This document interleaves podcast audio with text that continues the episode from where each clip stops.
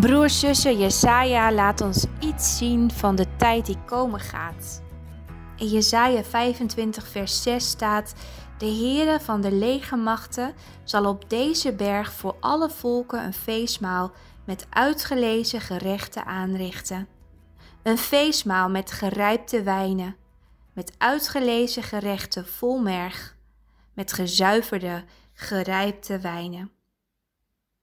Jezaja mag door Gods geest over de eeuwen heen kijken. En hij mag dat vertellen aan jou en aan mij.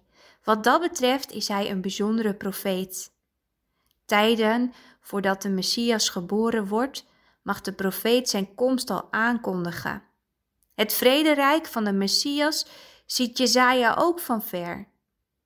En zo voorspelt de profeet dingen die hij zelf nooit in vervulling heeft zien gaan. Soms gaan beloften pas na eeuwen in vervulling. In Jesaja 25 ziet de profeet nog zo'n visioen over de verre toekomst. Gods heil is niet alleen voor zijn volk Israël, maar ook voor de andere volken. Christus heeft de scheidingsmuur tussen Israël en de volken afgebroken.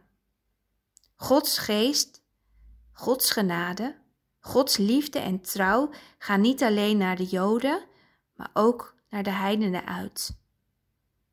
Het volgende lees je in Efeze 2, vers 14. En bij zijn komst heeft hij door het evangelie vrede verkondigd aan u die ver af was en aan hen die dichtbij waren. Want door hem hebben wij beiden door één geest de toegang tot de Vader. Machtig niet waar? Niet alleen de Israëlieten, maar ook jij en ik. Ook jij en ik.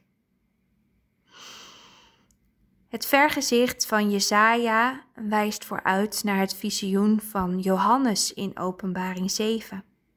Daar ziet de apostel een grote menigte die niemand tellen kon, uit alle naties, stammen, volken en talen.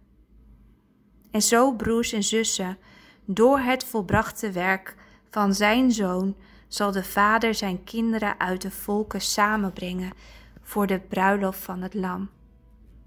En ook jij mag aanzitten aan het feestmaal. Een feestmaal vol met heerlijke gerechten en gerijpte wijnen. Ik zie er naar uit. Ben jij er ook bij?